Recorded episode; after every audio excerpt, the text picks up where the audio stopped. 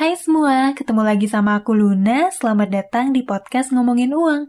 Sekarang Ngomu udah ada di podcast nih. Jadi kamu bisa dengar dan belajar keuangan di sela-sela kesibukan kamu. Atau sekalian nemenin kamu sebelum kamu tidur. Oh iya, buat kamu gitu ya yang kepikiran pengen bikin podcast juga. Cobain deh, bikin podcastnya pakai Anchor. Jadi dengan upload di satu platform Anchor doang, rekaman podcast kamu tuh langsung terdistribusi ke Spotify, iTunes, Google Podcast, dan lain-lain.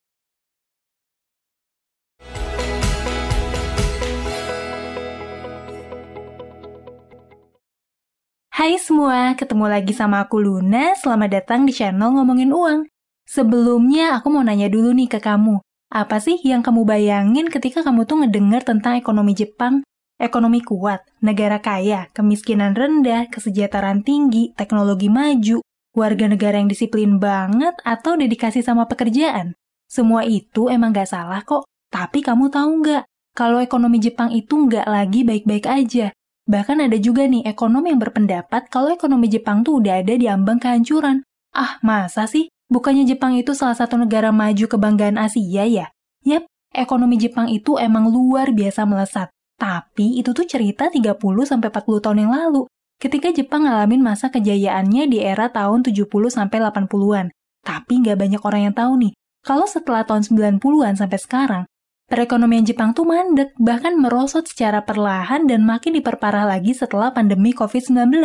Jadi kemajuan Jepang yang kamu lihat sekarang ini nih bisa dibilang tuh adalah residu atau sisa-sisa kekayaan di era tahun 80-an yang masih terasa sampai sekarang.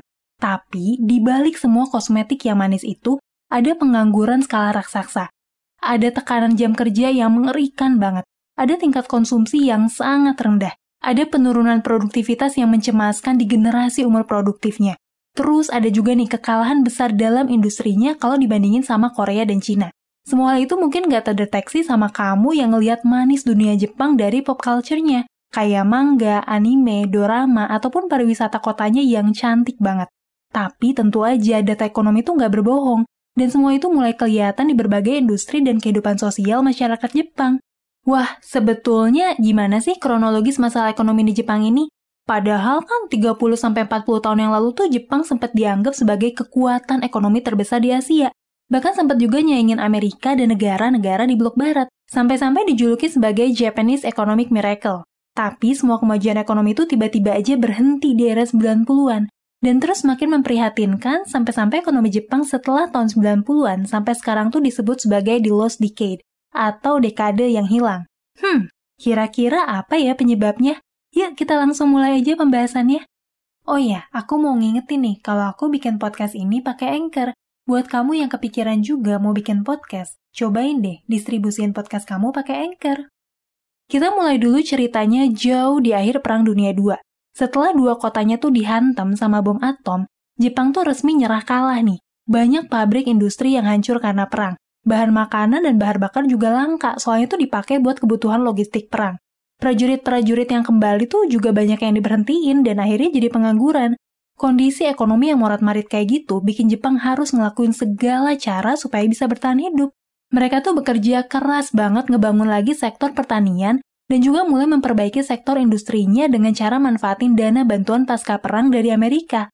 Perang Korea yang terjadi di tahun 1950-an tuh akhirnya dijadiin objekan gitu ya sama Jepang dengan cara ngejual pasokan logistik buat pasukan Amerika yang lagi perang di semenanjung Korea dan jadi katalis buat kebangkitan produktivitas industri Jepang. Termasuk juga jadi momentum gitu ya buat banyak industri yang saat ini tuh kita kenal, kayak Toyota, Honda, Yamaha, Seiko, dan lain-lain. Perkembangan industri Jepang ini juga diiringi nih sama peningkatan konsumsi masyarakat dan akhirnya itu bikin pertumbuhan ekonomi Jepang mulai berjaya di tahun 60-an dan jadi satu-satunya negara di Asia yang berstatus sebagai negara maju saat itu. Sepanjang tahun 1950-an sampai 1980-an, Jepang yang awalnya tuh benar-benar hancur lebur, miskin, diambang kelaparan, dan gak kelihatan punya masa depan sama sekali, ternyata sukses gitu ya jadi kekuatan ekonomi terbesar di Asia dalam waktu yang bisa dibilang relatif singkat. Di sinilah Istilah Japanese Economic Miracle atau keajaiban ekonomi Jepang tuh muncul. Ketika era teknologi tuh makin pesat di era 70-80-an, banyak banget perusahaan Jepang yang mulai masa keemasannya di masa tersebut. Misalnya tuh kayak Toei, Hitachi, Sega, Sony, Bandai, dan masih banyak lagi. Kemakmuran itu terus berlangsung sampai periode dekade 80-an. Saat itu, produk-produk buatan Jepang kayak mobil dan barang elektronik tuh ngebanjirin pasar dunia, termasuk Amerika. Harga yang murah dan kualitas yang bersaing tuh bikin produk Jepang berhasil gitu ya buat nyingkirin saingan-saingan produk lokal di Amerika. Tapi semua kemakmuran itu akhirnya nemuin tantangan yang ternyata berdampak panjang buat ekonomi Jepang. Ramainya produk Jepang yang ngebanjirin pasaran Amerika ini akhirnya bikin produk dalam negeri Amerika mulai khawatir gitu kalau mereka bakalan kalah bersaing secara kualitas dan juga secara harga. Hal ini tentu ngancam ekonomi pengusaha Amerika saat itu. Para pengusaha ini akhirnya ngelakuin lobby ke para kongres buat mengambil kebijakan untuk melindungi produk dalam negeri. Mungkin buat kamu yang masih ingat, tahun 2018 lalu tuh kan sempat rame ya topik perang dagang antara Cina dan Amerika. Nah, di era tahun 80-an itu tuh situasinya bisa dibilang agak mirip-mirip gitu banyak kekhawatiran bakalan terjadi perang dagang antara dua negara maju, yaitu Jepang dan Amerika. Tapi pada akhirnya di tahun 1985, Amerika tuh bikin kesepakatan sama negara-negara G5 yang saat itu tuh dianggap sebagai lima negara kekuatan ekonomi terbesar, yaitu Amerika, Inggris, Jerman Barat, Prancis, dan juga tentu aja Jepang. Isi dari kesepakatan itu adalah nurunin nilai mata uang dolar Amerika terhadap nilai mata uang keempat anggota lain, termasuk yang Jepang. Perjanjian ini disebut sebagai Plaza Accord. Emangnya apa sih artinya penurunan nilai dolar terhadap Jepang ini? Apa artinya tuh nilai yen makin menguat kalau dibandingin dolar? Yap, bener banget. Wah, kalau gitu artinya Jepang enak dong nilai mata uangnya menguat. Jadinya mereka bisa belanja barang-barang Amerika dengan murah. Nah, dari sisi konsumennya sih emang enak. Tapi ingat, Jepang itu kan negara yang memproduksi atau negara produsen. Justru nilai mata uang yang menguat itu adalah kabar buruk, karena barang-barang Jepang jadi nggak bisa dijual murah lagi kalau di Amerika. Ongkos produksinya tetap sama, tapi daya beli konsumen di Amerika tuh jadi nggak sekuat dulu lagi. Artinya apa? Keunggulan harga produk-produk Jepang jadi nggak bisa diterapin lagi. Gara-gara penurunan nilai mata uang ini, produk bikinan Jepang jadi jauh lebih mahal di pasar internasional, dan jadi lebih sulit gitu ya buat bersaing di pasar global.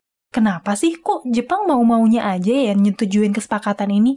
Padahal kan justru Jepang tuh banyak dirugiin. Jawaban pastinya emang masih belum diketahuin sih. Beberapa orang memperkirain kalau Jepang tuh nggak mau ngadepin risiko perang dagang sama Amerika.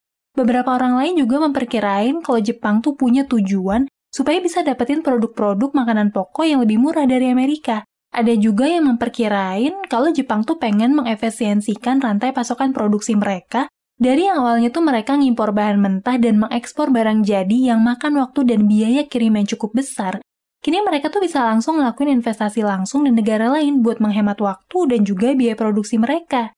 Terlepas dari motif mereka, Jepang tuh tetap setuju sama perjanjian tersebut. Dalam waktu kurang dari setahun, nilai tukar yen tuh meningkat nih. Dari 250 yen untuk 1 dolar Amerika, jadi 150 yen per dolarnya. Hasilnya nilai ekspor mereka tuh turun drastis. Ini tentu aja bikin iklim perekonomian di Jepang tuh jadi lesu. Soalnya perekonomian mereka selama ini ditopang sama komponen ekspor. Buat ngegerakin lagi roda perekonomian negara, tentu Bank Sentral Jepang gak diem aja.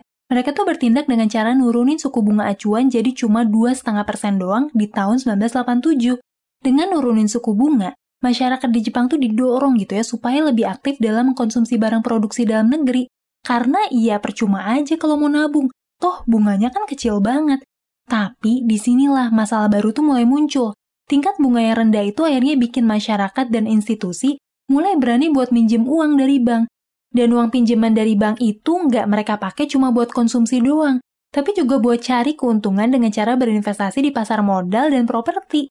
Karena semakin banyak investor yang masuk ke pasar saham dan properti, harga-harga saham dan properti itu jadi naik. Hasilnya, justru harga saham dan properti itu makin naik jauh melebihi nilai wajar mereka. Ingat, ketika harga sebuah aset tuh naik jauh lebih tinggi dari harga wajarnya, ya cepat atau lambat bakalan terjadi koreksi besar-besaran. Dan benar aja, ketika bank sentral tuh naikin lagi suku bunga di level 6 persenan di tahun 90, masyarakat dan institusi tuh mulai kebingungan gitu ya buat ngembalin bunga bank, ya karena soalnya bunga banknya tuh nggak semurah sebelumnya. Akhirnya di tahun 1991, masyarakat yang panik tuh ngejual aset sahamnya, ya soalnya tuh keuntungan investasi mereka udah nggak sanggup buat mengcover seluruh beban bunga dari uang pinjaman mereka. Hasilnya, ya harga sahamnya jadi jatuh. Sementara di sektor properti, Ketika pemerintah tuh ngambil kebijakan pengetatan pajak dan juga aturan pinjaman bank, masyarakat tuh langsung berlomba-lomba keluar dari pasar properti dengan cara ngejual semua aset mereka semurah-murahnya. Akhirnya, ya harga properti tuh hancur lebur dalam waktu singkat.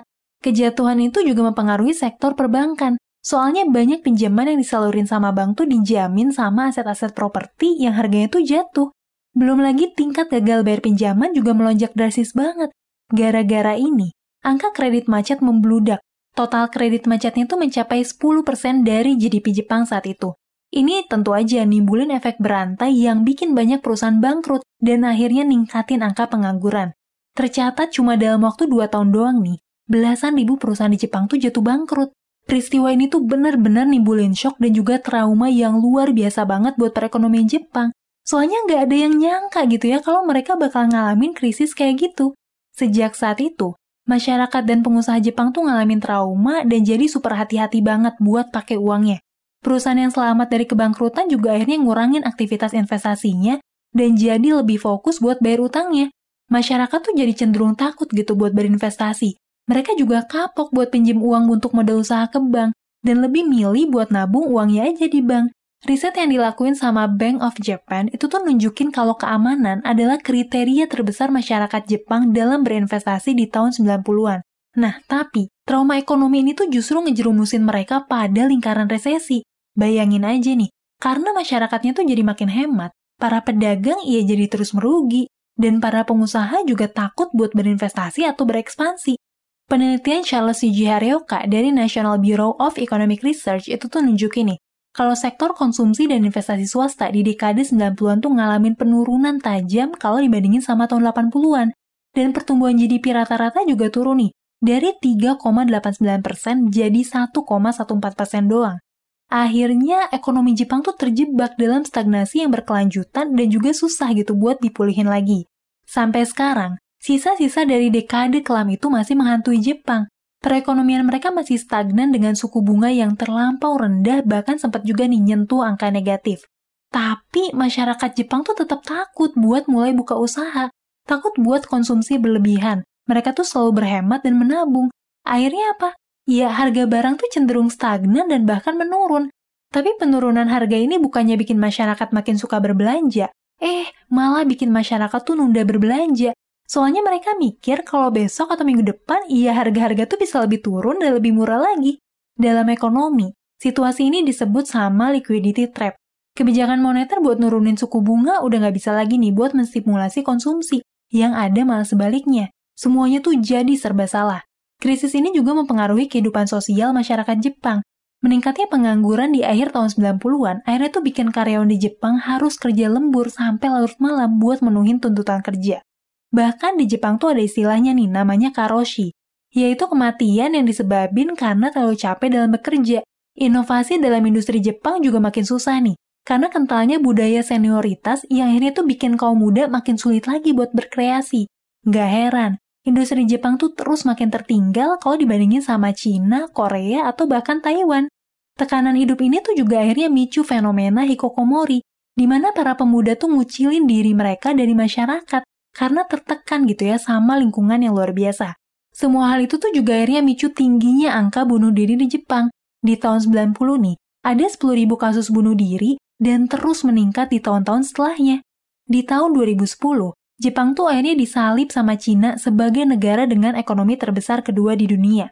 Dan diperkirain di tahun 2026, Korea Selatan tuh juga bakal nyalip Jepang. Kalau misalnya kondisi ini terus berlanjut, bukan gak mungkin nih, Indonesia tuh juga bakalan ikut nyalip dan Jepang bakalan kehilangan statusnya sebagai negara maju. Dan sampai sekarang belum ada yang tahu kapan sih resesi ekonomi di Jepang tuh bakal berakhir. Dari cerita ini, aku yakin nih banyak banget pembelajaran yang bisa kita ambil. Dan terus terang aja, masih banyak banget cerita yang mungkin kelewatan sama aku.